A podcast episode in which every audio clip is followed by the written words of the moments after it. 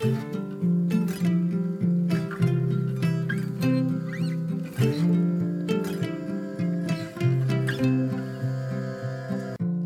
och välkommen till For Health med Anna Sparre.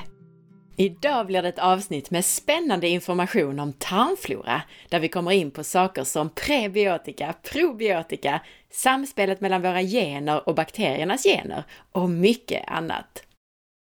Idag får du lyssna på den kurs i tarmhälsa och autoimmunitet med Liz Lipski som Alpha Plus ordnade. Lär dig använda mikrobiomtester i ditt klientarbete. Linda Rabeck håller i Alpha Plus regi en certifieringskurs i genbaserad mikrobiomtestning. Kursen hålls i februari 2019 och riktar sig till dig som arbetar med hälsa. Läs mer på www.alfaplus.se utbildning. Jag påminner dig om att det bästa från podcasten nu finns i skriftligt format som e-böcker. Du kan ladda ner dem på forhealth.se under fliken böcker.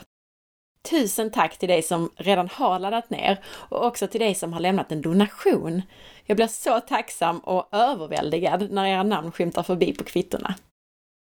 Missa inte att alla fem böckerna nu är på plats, inklusive de senaste två böckerna om tarmhälsa respektive om att äta sig frisk från sjukdom.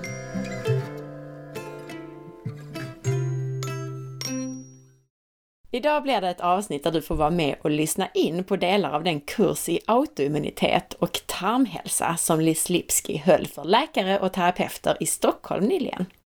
Liz Lipski är en erkänd internationell expert inom nutrition, näring och funktionsmedicin med mer än 30 års klinisk erfarenhet. Hon intervjuades i mycket populära avsnitt 196 på temat autoimmuna sjukdomar börjar i tarmen. Idag blir det de delar från kursen som handlar om tarmfloran och mikrobiomets fantastiska värld.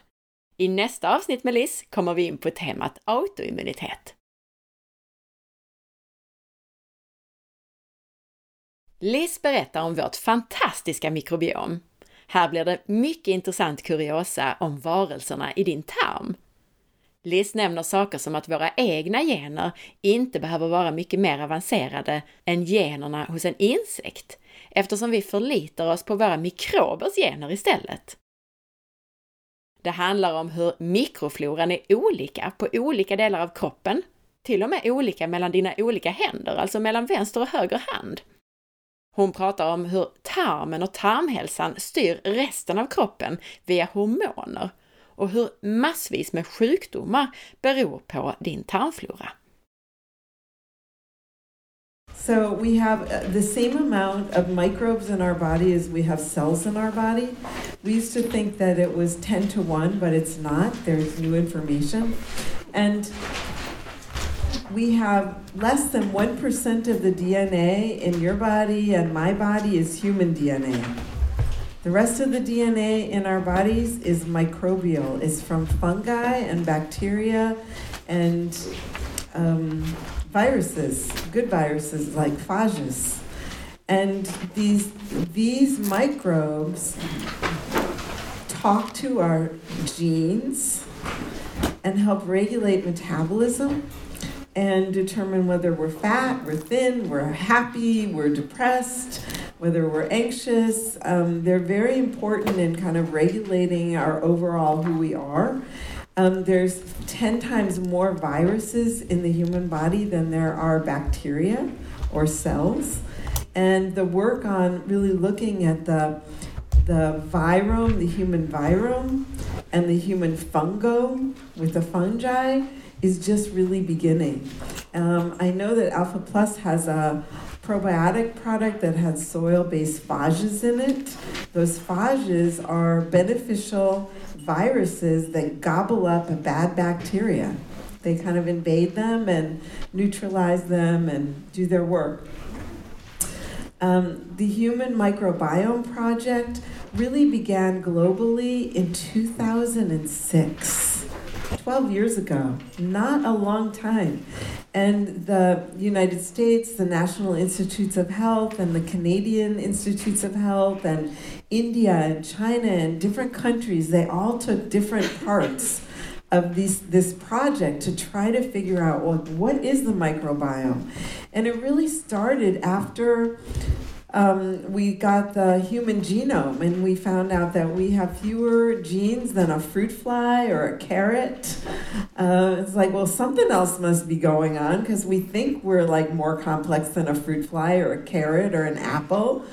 You would think, but um, we don't have the same amount of genes as they, they do because we rely so much on these um, microbial genes and they talk to each other. And Peter and I were talking at dinner the other night about how, you know, we don't have that research yet. We have the microbiome research and we have the genomics research, but we don't yet have how they talk to each other. And I think that's where the magic's going to be. The human microbiome is different in every single tissue in the body, and so this is really just to show you that that in the saliva it's different than the gingiva of the the gums. It's different than the tongue. It's different than the tonsils. And then what's in your nose is even different. We know that what's on your right hand and left hand is only about 70% the same.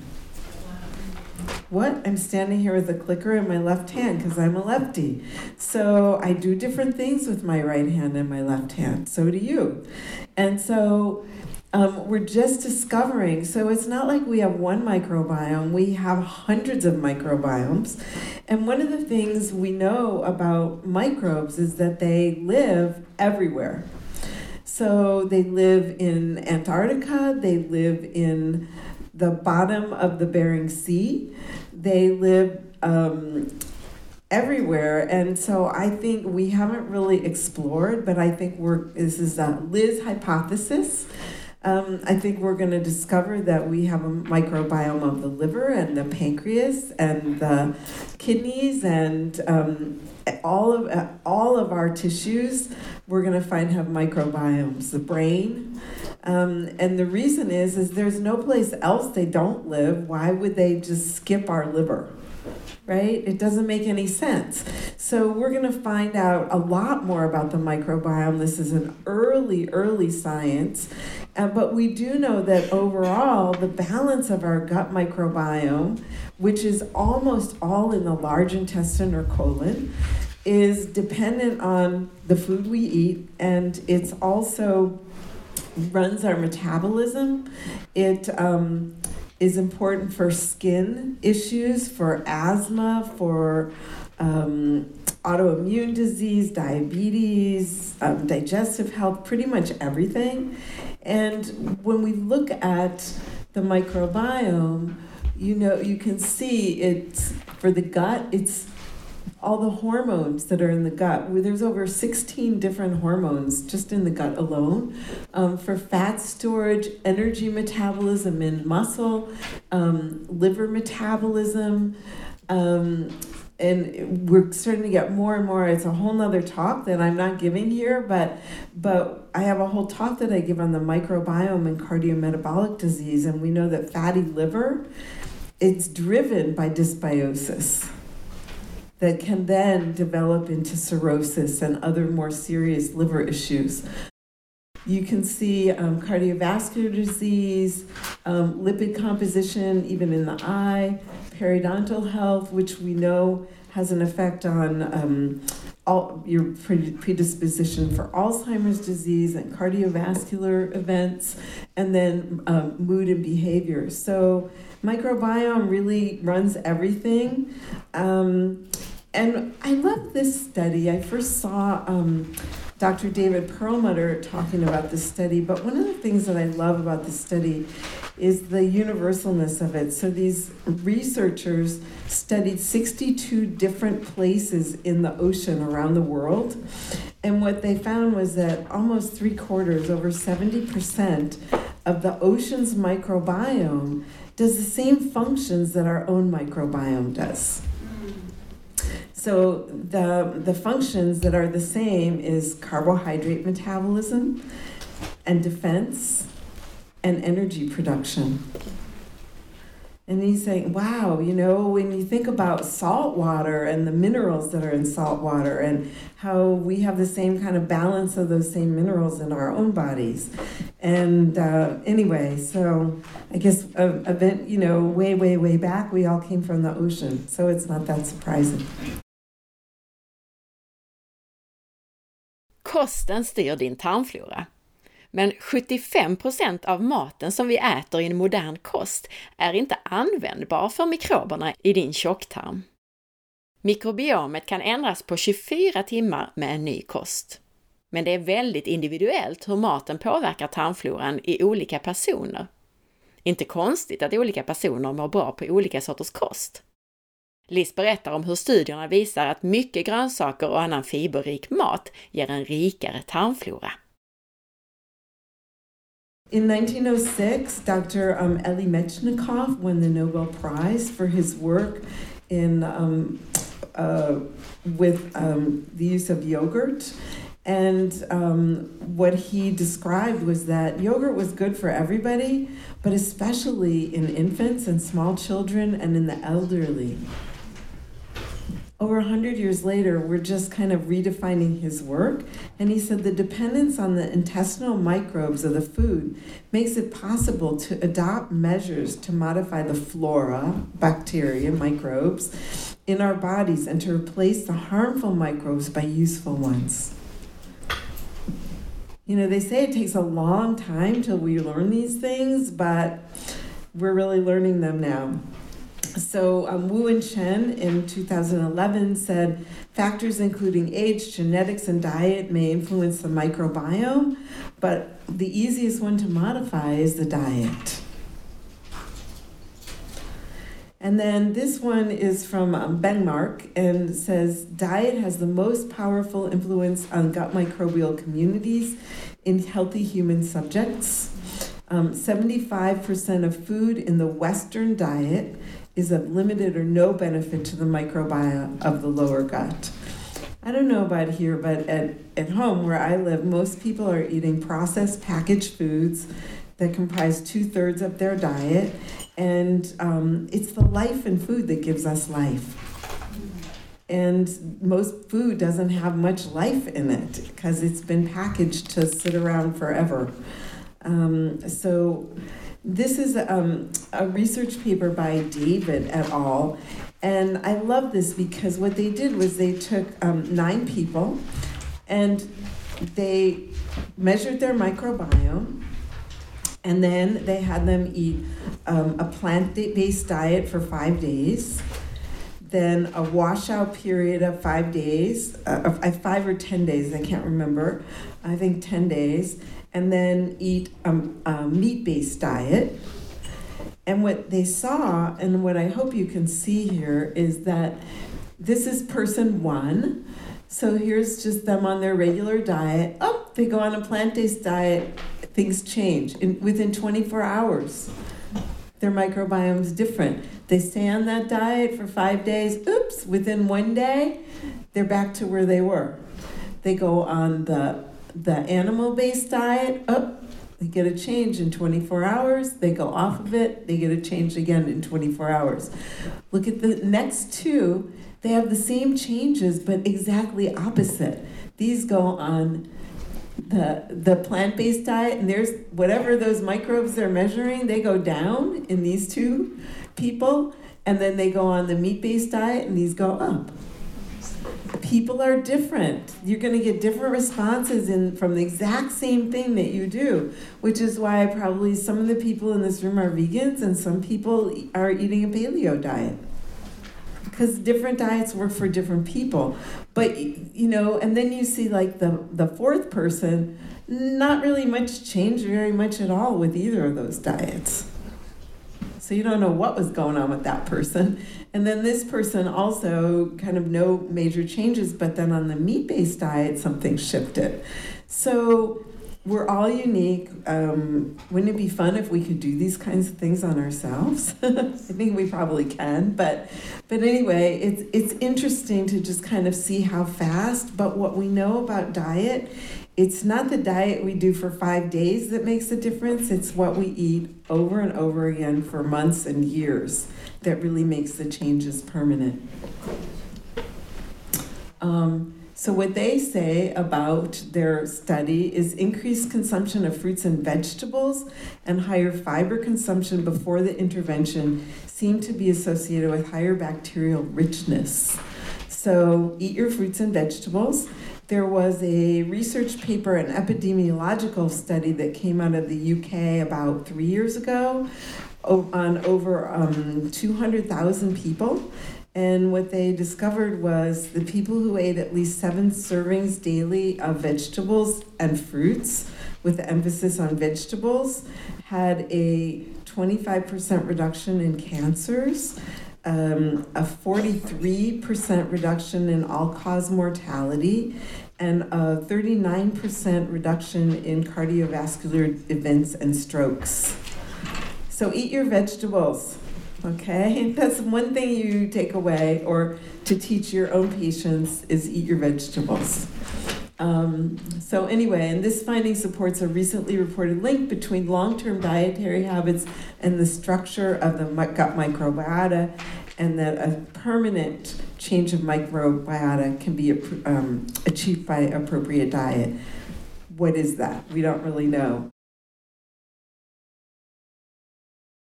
Liz kommer in på kosten och att för en frisk människa så är det en whole foods diet som gäller för att hålla sig frisk. Ät alltså rena, riktiga råvaror. Sen kan detta behöva förändras och vridas lite beroende på hälsotillstånd. Prebiotika är det viktigaste för att förändra och mata din tarmflora. Men visste du att prebiotika kan vara mer än bara fibrer? Lyssna på Liz som förklarar hur saker som färgämnena i grönsaker, växtpigment, också är bakteriemat. Här handlar det alltså om prebiotika och Liz förklarar också hur prebiotika, som till exempel fibrer, äts av bakterier som i sin tur producerar kortkedjade fettsyror som till exempel butyrat, vilket i sin tur används som energi av dina celler i tjocktarmen. Visst är det ett fantastiskt samspel? Liz pratar också om alla de fantastiska effekterna av butyrat och just prebiotika. När det gäller mängder av fibrer och prebiotika så äter vi i snitt långt under rekommendationerna. Och även rekommendationerna är långt under det intag av fibrer som man ser hos många naturfolk eller i arkeologiska fynd. So, in good health, how I like to think about in good health is if people eat mainly a whole foods diet that looks like a Mediterranean type diet, most people are going to do really well. If we look at the research on the Mediterranean diet, it reduces cancers and cardiovascular disease and autoimmune disease and pretty much everything. So it's a good basic diet. And whether you weigh that more towards a little bit more meat or no meat, it's still going to be that same really good diet for most people. But then we have like a whole lot of other diets, right? That when that's not enough, sometimes people are in a hole and we need to have a ladder so that they can climb out of that hole. And so we use other kinds of diets. A year ago, we had a new paper that came out defining what a prebiotic was. And up until this paper, we always thought, well, prebiotics are just fibers. However, I love this paper because it substantiates things that we already knew but hadn't kind of put together. Like if you eat, uh, drink red wine, for example, we know that it increases bifidobacteria and lactobacilli in the colon. Um, if you ha- drink green or black tea, we know that it has the same effect. And so, what I love about this new definition is it brings in some of that. So, a prebiotic is a substrate that's selectively utilized by a host microorganism, conferring a health benefit. Pretty broad. So, all the, all the colors in our food have prebiotic effects. And what's interesting to me is that um, when we look here, so here's prebiotics, not prebiotics, okay? So these are substances that are used by the microorganisms, and these are substances that affect the microbiome, but they're not prebiotics. So what affects it but not prebiotic would be proteins and fats, probiotics, vitamins, antibiotics, and um, uh, non fermentable fibers like wheat bran. Okay? But when we look on this side at the prebiotic, we've got, oh, we've got all of these kind of things that we always thought of as prebiotic, all those oligosaccharides, and I'll show you those in, in greater um, in the next slide. But also, we've got conjugated linoleic acid and polyunsaturated fats. Wow, this changes, and we get the polyunsaturates from dairy products. So uh, the the um, the CLAs and the PUFAs we get from our nuts and seeds, and some of our oils, um, and some of our grains. So here's our polyunsaturates.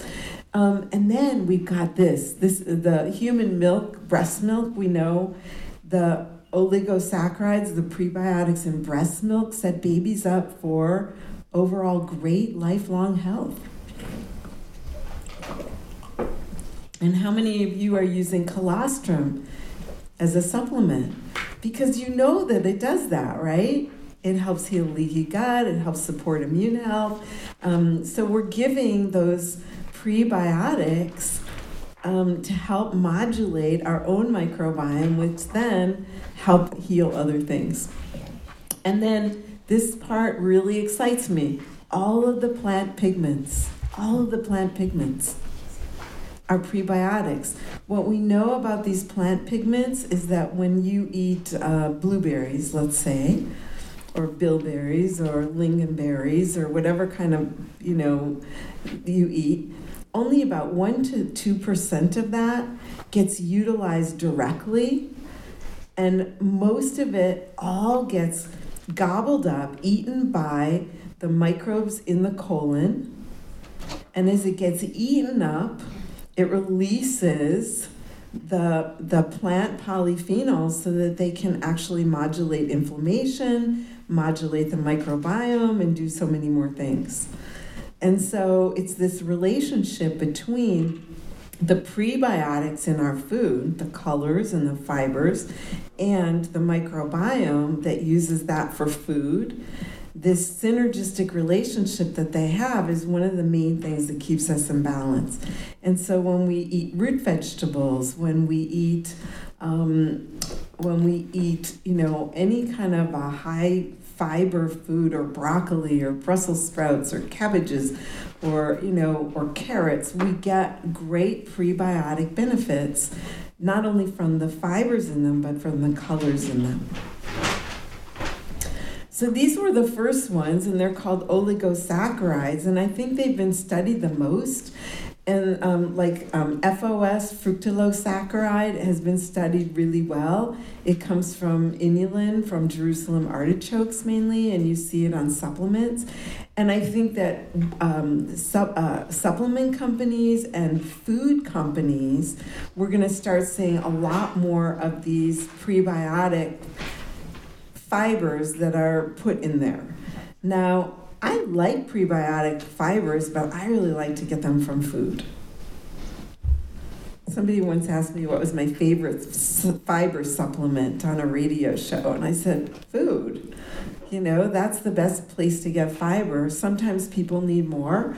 Um, and I think you probably mostly know this, but we take these prebiotics, the starches that are in our food, um, and then they get um, gobbled up by the bacterial by the bacteria and the enzymes that are there, and then in the colon, those short chain uh, short chain fatty acids are produced, and those short chain fatty acids are the the energy sources and the maintenance sources for the whole colon.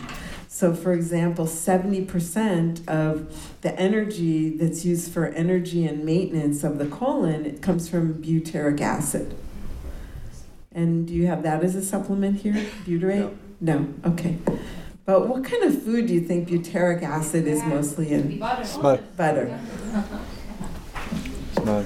okay especially aged butter okay so so you know this is really important um, but this is how you know the brain and the muscles work on glucose for energy. The small intestine uses glutamine. The large intestine uses these short chain fatty acids mainly butyrate.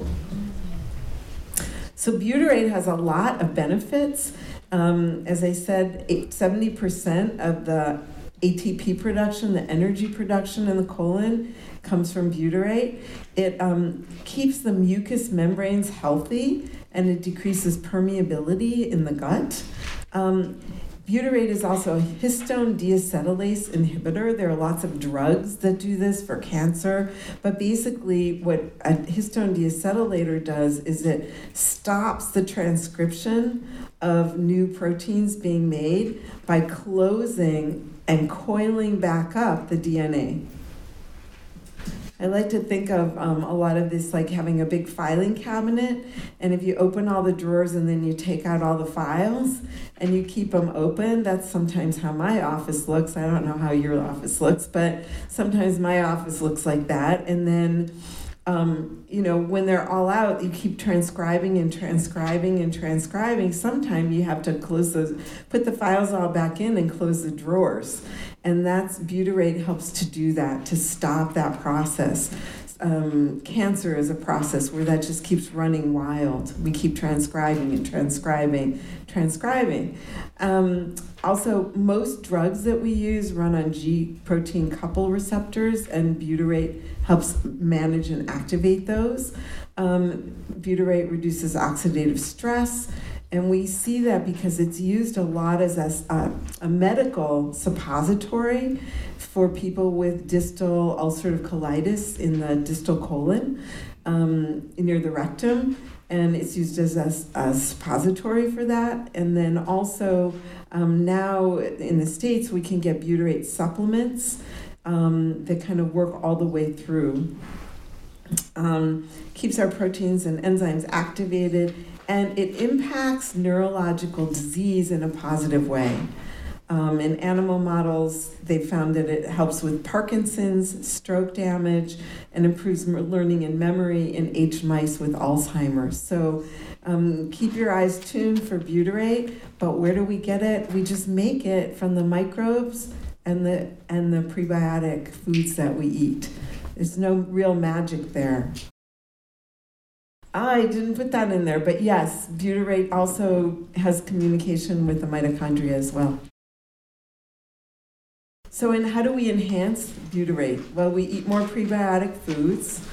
We eat more fermented and cultured foods. I think you all do a really good job of that in your culture. In America, when we get pickles, they've got preservatives in them. When we get sauerkraut, they've been pasteurized. It's like we're really bad, really, really bad. Um, anyway, but keep eating those, you know, traditional foods, your herring and your sauerkraut and your pickles and all of that, um, your cheeses and your dairy products. Um, and then how do we test for butyrate? You can look for it in stool, and you can also see it in organic acid testing. So I, I, I took butyrate and I took um, prebiotics and I said, well, let's put prebiotics on the functional medicine matrix and see what happens. And um, you can see there's research in every single area. Um, I spent maybe four hours looking at research. I think if I had spent, you know, another 15 hours, I would have found a lot more. But I thought this was enough to just kind of show you that there's that these prebiotics they work in every in every area and communication changes in genomic expression help regulate insulin and glucose lower lower hemoglobin a1c and lipids. They increase serum glutathione levels. This is all good. Improve vagal nerve function um, stimulates production of brain-derived neurotrophic factor um, enhance brain function um, in neural, endocrine, and immune. In structure, improves hydration and bone density. A lot of research on prebiotics and bone density. How many people are losing bone? I think um, in the Scandinavian countries, you have a lot of osteoporosis. Mm. Um, you're blonde, you're blue eyed, you're lean, and you don't have sun a, lot in the winter. So, um, despite the fact that you eat a lot of dairy products. So, you know, um, looking there, assimilation, bioavail- bioavailability of, of, of minerals, and also enhanced short chain fatty acid production. So you, you just kind of see all the way through um, chronic kidney disease on the lower right. Um, lowered levels of um, P creosote and um, indoles so that um, the kidneys didn't have to work so hard with these toxins. So, in chronic kidney disease, so you can see they have this global effect on overall health that's really good for us. Um, and so this is that same list of the oligosaccharides, but I wanted to add to this list and think of all the prebiotics I could think of. And so we've got those human milk oligosaccharides, we've got inulin, which we see a lot in supplements. We have um, gums and mucilages like guar gum and pectin and pectin and acacia and mastic gum. And some of you have probably known you can use uh, guar gum to help regulate um, blood sugar levels in people with diabetes. Um, mastic gum's been used for people with ulcers. And um, acacia gum uh, can actually help with. Uh, anyway, it just has good prebiotic qualities. And um, another prebiotic that I didn't put down on here is larch arabinogalactans that come from the inner bark of a larch tree. And those um, also help regulate the immune function and gut function. Um, alcohol sugars like xylitol, mannitol, um, that we find in. Uh, diabetic food, fake diabetic foods, and also we find in some of our bars, protein bars.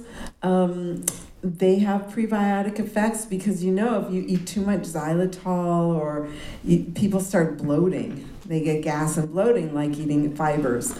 Um, beta glucan, which is the prebiotic soluble fiber that's found in oats and barley um, and uh, beta glucan from mushrooms. Um, all very helpful. And then we also have a lot of research on modified starch. So um, uh, if you eat cold potatoes, you get more of the prebiotic effect from the modified starch in a cold potato that's been cooked than versus a hot potato. Um, and so we have all this re- body of research on modified starch, which just is another name for prebiotic. And then we also have this term soluble fiber. I think eventually we're going to lose that term and we're just going to call all of this prebiotic. So here's some prebiotic rich foods. And again, I'm talking about like okay, we started with Mediterranean diet, type diet for people who are healthy. Now we've added prebiotics and lots of vegetables and fruits to keep people healthy. Um, and here's some of our high prebiotic rich foods. And then to make sure people are cooking with herbs and spices. You, um, not every morning of the week, but many mornings I'll start with a smoothie and I take a hunk of fresh turmeric and a hunk of fresh ginger and I throw them in my smoothie and I throw some cinnamon in my smoothie and I throw some berries in my smoothie and I go in my garden and I get some kale and some mint or parsley and I throw that in my smoothie. It's like we want to get as many um, herbs and spices. Not only they make the food taste better, they have prebiotic effect and they have demulcent effect where they're very soothing and they have a carminative effect where they dispel gas and bloating. So really good. So having people when they cook to um, cook with herbs and spices. Any of you ever have that? I don't know if you have this expression or not. Um, but sometimes when I was in practice and I was talking to my clients and I'd say, I want you to cook. And they would look at you with this startled look like a deer that got caught in a light. Like, what, me cook? No, right? You've seen that look. They're terrified. They're terrified, but cooking is so self nurturing. And I always tell them cooking is love. Cooking is self love. It doesn't take a long time. At the end of a long day, I love to cook. Quick, but, but I still love to do it.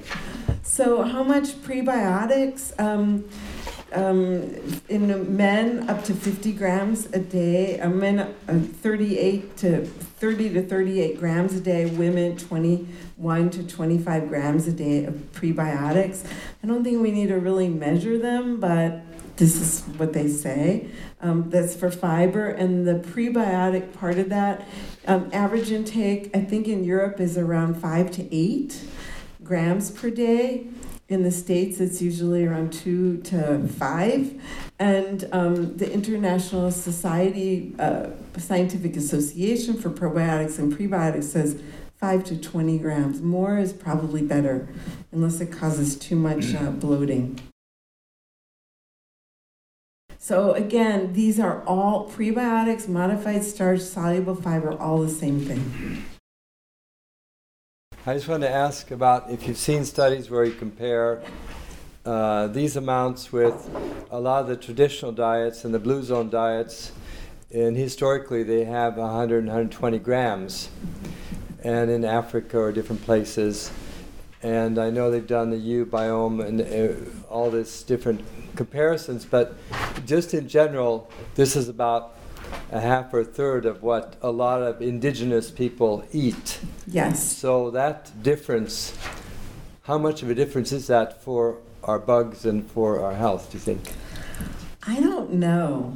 I mean, it's a great question. I haven't seen any research on if we eat a lot more, will it be more helpful? But what I can tell you, and again, it's not really in this talk, but but there was um, a researcher named James Anderson in the 1980s. He wrote a book. He, he was a researcher at the University of Kentucky in the United States, and he said, you know, if we give people we put people with diabetes on these low carbohydrate diets. But what happens if we put them on a high fiber diet and he gave people 40 grams a day of fiber, so even a little bit more than the recommended? And when he gave them 40 grams of fiber, which was like lots of beans and whole grains and potatoes and yams and all of this, when he did that, he got really good results with weight loss, diabetes, bringing down insulin and hemoglobin A1C levels, regulating glucose levels, and he got the same kind of results as restricting carbohydrates.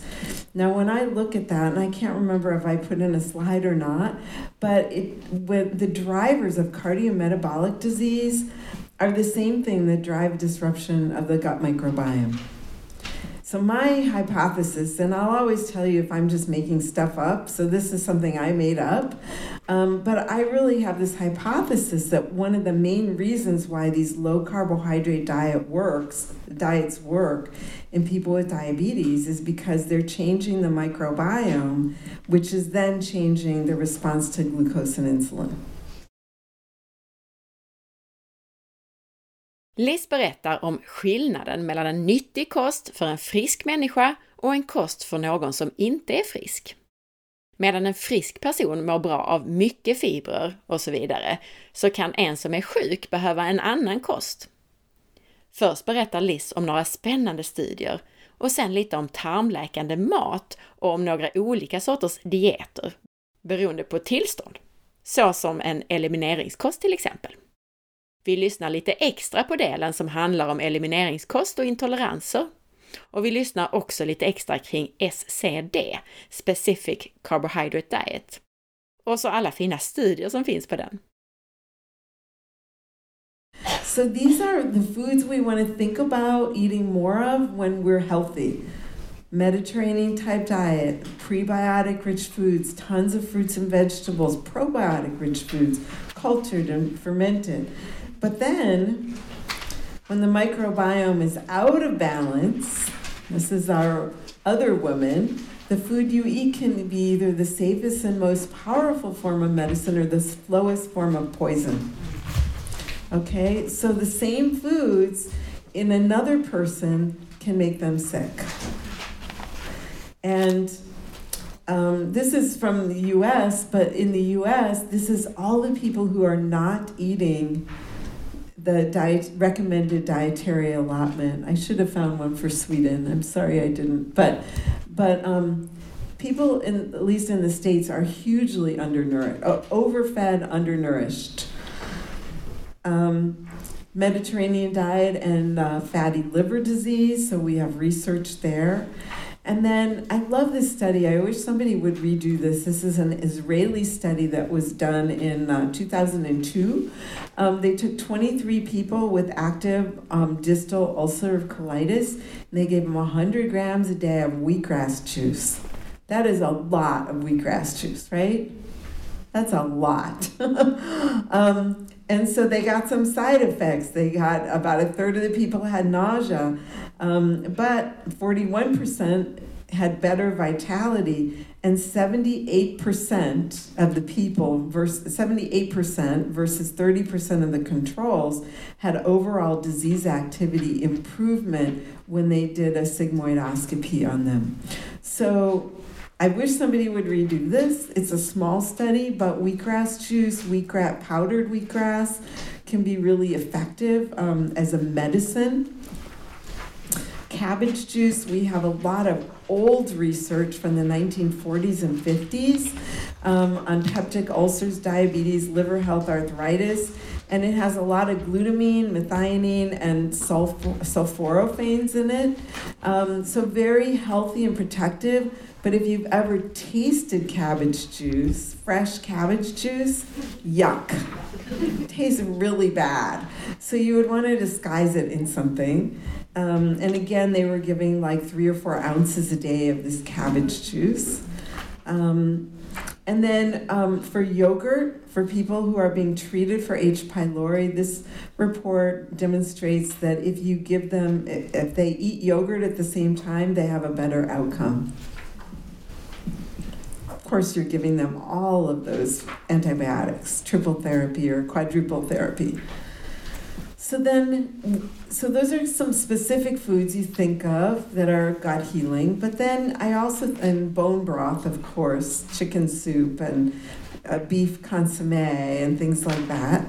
Um, and then there's a lot of different like food diets in the conversation. Um, so I'm going to talk about some of these in a lot more depth. So we have, any of you use anti-candida diets, antifungal diets in your practice? Any of you use the FODMAP diet? Wow, so not very many of you. Okay. Um, elimination diet, comprehensive elimination diet? Good. It's my favorite, really. Um, um, elemental diets? So we're gonna we're gonna look at kind of a lot of these, um, as many as we have time for. These are not lifelong diets. These are diets to get people back into good health and good balance.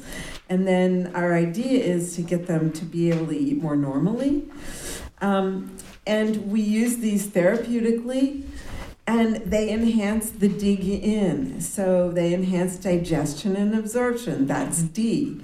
They reduce inflammation and help the immune system. That's the second I in dig in. They're hypoallergenic, so you've got low antigenicity. You've got um, foods that are easy for people to use that they're probably not going to react to. They balance the gut microbiome. That's the G in dig in. They improve leaky gut, which is the I in the first I in dig in.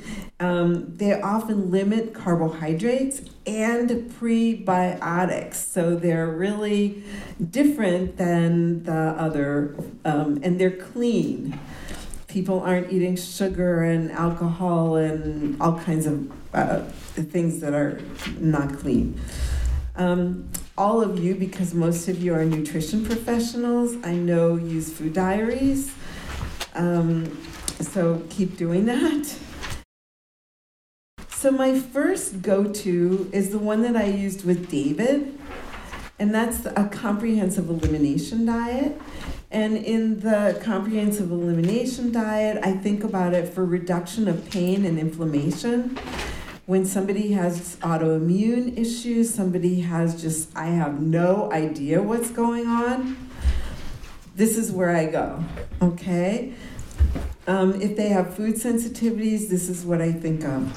And so this is like a low allergy, a low antigen diet. If you see somebody and you get their report back and they have certain foods, this, you know, that they're sensitive to, this would be a really good diet for them. Um, it's also, uh, you know, I really think that it reduces pain. Like, look what it did for David, this diet. And um, I, I've often said if we if we had a drug that could reduce pain as consistently as this one does, it would be the number one selling drug of all times. Okay, food is our best medicine, we know this.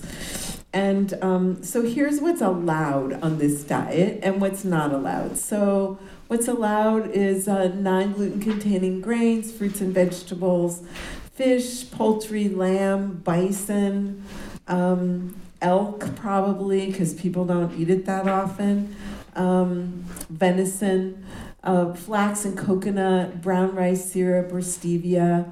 Um, I think people could use a little bit of honey or even a little bit of sugar, as long as it's not more than like a teaspoon a day. Um, herbs and spices, and if you're vegetarian, legumes. You don't want to kind of suddenly say, Well, I want you to be eating all these beans, because we know when you do that really fast to somebody who's never eaten them, they feel worse often because they get gassy and bloated. So um, just kind of start there. And this is what in, at IFM we call the comprehensive elimination diet. So I actually lie to people when I was in practice, and I would say, We're going to try this diet for two weeks. I want you to do it perfectly, and then come back and let's reassess where you are. And if they feel really great, they usually say, I feel really great. I want to keep doing this another few weeks. I go, great, let's do that. Or they come back and they say, I feel really great, but I am so missing bread. I just have to eat bread. Or I really need, you know, anyway. So I'll say, okay, well, I want you to eat bread two or three days, two or three times on Tuesday, two or three times on Wednesday, two or three times on Thursday. If you feel worse at all, if any of your symptoms get aggravated, I want you to stop immediately. But if you feel okay, then just keep eating it for a few days, a lot of it, and let's just see how you feel. And if you're sensitive to it, most people feel really terrible really fast and they stop again. You know, and so we add foods back in very carefully. Um, and I try to keep it simple. And sometimes I also have to broker the deal. It's like, well, I could do this, but it's my best friend's wedding or it's my wedding and I can't do it right now. Okay, well, let's, when's that? We'll do it after that, okay? Or, could I have coffee? If I don't put any sugar in it, can I have my coffee first thing in the morning? It's like, uh, okay, you know, I'll let you have your coffee. Okay, if that's what it takes to make this work, let's just do it. So, you want to work with somebody, you also want to keep it simple. And um, if you already know that somebody has a reaction to a food, don't include it. And then we look for improvement. If there's improvement, then they can continue it or they can start slowly reintroducing foods. If there's no improvement, then you try something different. It's not the right diet for them. It's not food related. I was, I put my son was visiting me. My uh, son was in his late 20s at the time, and he came to my house, and for six weeks we did this elimination diet, and he was not at all better. Not at all better. And I'm like, huh, what's going on? Is it heavy metals? Is it mold? Is it. And then somebody said, I wonder if it, he has Lyme and co infections. And we tested him, it was Lyme and co infections. Well, doing this diet isn't going to really help the Lyme and co infections all that much. You know, so if, if it's not helping, then you got to look somewhere else or you have to do a different type of diet. How I do it is I introduce one new food every three to five days, and I have them eat it two or three times, two or three days in a row, and see how well it works for them and look for any of their symptoms coming back. And whatever comes back, then you go, oh, probably that wasn't for you. Um, and if they're not sure, you take that food out of their diet again and you try it again in another couple weeks and see. Um, the one second, the food rotation, a four-day food rotation diet. The reason why we sometimes use those, which I don't like to use very often because they're difficult to follow, is because let's say that I'm really sensitive to eggs and I eat eggs today. Then um, my body over the next 24 hours is going to start making antibodies. So sometimes somebody will say, You know, I ate eggs the first day and I ate them twice and I felt really good. And then the second day, I felt terrible when I ate my eggs. Why? Because now all of a sudden you, you haven't been eating them for a few weeks and now you're eating them and you've built up all these antibodies and now your body goes, Aha, we hate these okay? And it tells you really clearly, I hate this. So the four day food rotation diet is I eat it the first day, I make these antibodies the second day. The third day, my body goes, Well, she's not eating those anymore, so I think I'll stop making them because it's a waste of energy. And then we eat it again the fourth day, and then we start the process all over again. I would only use it for somebody who has hugely leaky gut and for somebody who when you do a food sensitivity panel, almost everything, you know, like half of their foods are positive. It doesn't say that they're sensitive to all those foods, it says they have leaky gut. But every once in a while, you get somebody who's so sensitive to almost everything they eat that you have to do a rotation diet.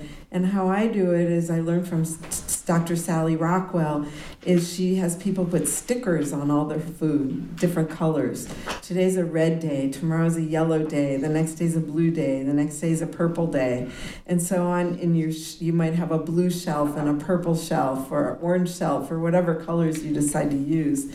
Um, in your fridge and in your cabinets, and so you make recipes just with foods of those colors those days. So, pretty much you can have almost any reaction when you add a food. So, the most common ones are that people get an aggravation of something that went away. So, like with David, it would have been that his legs started swelling by the end of the day, or that he had pain in his hands, or he started getting his irritable bowel syndrome back again um, or that he was depressed again, or had more fatigue, or felt like he needed to use caffeine. So you kind of look for a re aggravation of something that went away, um, but it could really be anything. Um, and as I say, this is my most favorite food plan because it's most most disease starts with inflammation somewhere and this reduces inflammation but there are times when we don't use it because it has a lot of carbohydrate in it. So when I would use this plan is for somebody who I suspect has leaky gut and food sensitivities is when I would use this diet. The comprehensive elimination diet that we just talked about, gluten-free, casein-free diet, specific carbohydrate diet, gut and psychology syndrome diet, which is called the GAPS diet, antifungal diets, the FODMAP diet, and restoration diet. Jag flikar in och förtydligar att här kommer information om SCD som kost alltså. Elaine Gottschall is this woman there, and she took her, da- her daughter when she was a child had ulcerative colitis and took him to this doctor named Sidney Haas. And Sidney Haas put her on this crazy diet that was a low disaccharide diet. Again, a lower prebiotic rich diet. And her daughter's ulcerative colitis disappeared. And so she. Um, she wanted to study more and she wrote a book called Breaking the Vicious Cycle. She had a different name first for it and then it um, anyway, she self-published it and then she it came out like this. And this diet, I'll show you a couple research studies. We have small pilot studies on this, the specific carbohydrate diet for children with Crohn's disease. And it's been miraculous for them. We also are starting to see some adults with ulcerative colitis and Crohn's disease. Um, so we're starting to have little bits of research on it. And then anecdotally, we don't have any research for IBS. So the allowed foods are all the kind of non-starchy vegetables, everything that grows above ground, um, honey, um, fruit and juices. So again, if you're working with somebody who says, I do great on fruit, this could be a good diet. If you got somebody who says fruit makes me really sick, the FODMAP diet would be a better diet. Um, dairy products, um, hard cheeses, just like in the FODMAP diet, and homemade yogurt. Um, that they, they let sit for 24 hours. They let it get kind of sour. Make sure all the lactose is out of it. Um, all kinds of meats, um, legumes. Typically, at the beginning, they don't allow any legumes, and then they start with white beans um, and string beans. Um, all nuts and seeds. If you've ever had like almond meal flour uh, based uh, muffins, those are specific carbohydrate. That's where we started getting all the nut flours coming into our diets, is from this diet.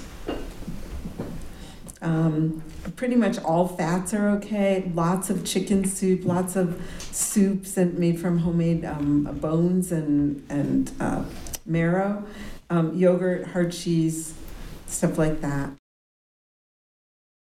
So, children, this is um, a small pilot study. Seven children with Crohn's disease put on the specific carbohydrate diet for five to 30 months. And um, the children weren't, weren't currently on any meds. And um, all symptoms were notably resolved in three months. And their labs normalized, um, their calprotectin, their hematocrits, their CRP, and their albumin um, normalized. Here's another um, research study where they had 10 children and nine completed over 12 weeks. They had to eat 85% compliant with the diet, so not 100%. And they did um, all kinds of uh, pediatric Crohn's indexes, and those all improved. And they did um, colonoscopies and also saw improvements. So, you know, these are small pilot studies, but um, good studies. And then we have, um, this is the only study that we have so far in um, adults 40 adults with Crohn's disease and ulcerative colitis, 27 out of the 40 went on the diet and had um, reductions in their Crohn's and ulcerative colitis disease. Um, and they did this in a four phase process. Det här var allt för idag och Liz berättar om hennes höjdpunkt. We can change our microbiome in 24 hours by changing what we eat. And um, so that's really significant, but it's the things that we eat all the time and the beneficial changes we make that make long term changes that are beneficial to our health from the microbiome. And and a lot of that comes from vegetables and the pigments in food, all the colors. So when we eat um, nuts and beans and seeds and fruits and vegetables and herbs and spices that we really activate and help stabilize and normalize the microbiome. So that excites me a lot. Du kommer att få fler avsnitt där jag klipper ihop så att du får lyssna på relevanta delar av kursen med Liz. Det blir ytterligare något lite längre avsnitt och då på temat autoimmunitet. Dessutom får du några kortare klipp på olika teman, som till exempel läckande tarm, respektive om fermenterad mat. Tack för att du lyssnade! Du kan vinna Pro 30 Plus från Alpha Plus genom att dela det här avsnittet. Fem personer vinner varsin burk med probiotika. För att vara med och tävla så behöver du gå till facebook.com forhealth.se och dela inlägget om det här avsnittet. Skriv också en kommentar till inlägget på Facebook så att jag säkert ser att du har delat det. Jag hoppas att du gillade det här avsnittet och gjorde du det så dela med dig av det. Dela det från facebook.com forhealth.se till exempel och tipsa också dina vänner och sprid så att fler får ta del av spännande information om hur kroppen fungerar. Jag blir också så glad om du vill lämna en recension i iTunes eftersom det hjälper andra lyssnare att hitta hit. Följ som är på Facebook och på Instagram via signaturen A. Sparre och titta in på bloggen på forhealth.se. Ha en fantastisk dag så hörs vi snart igen. Hejdå!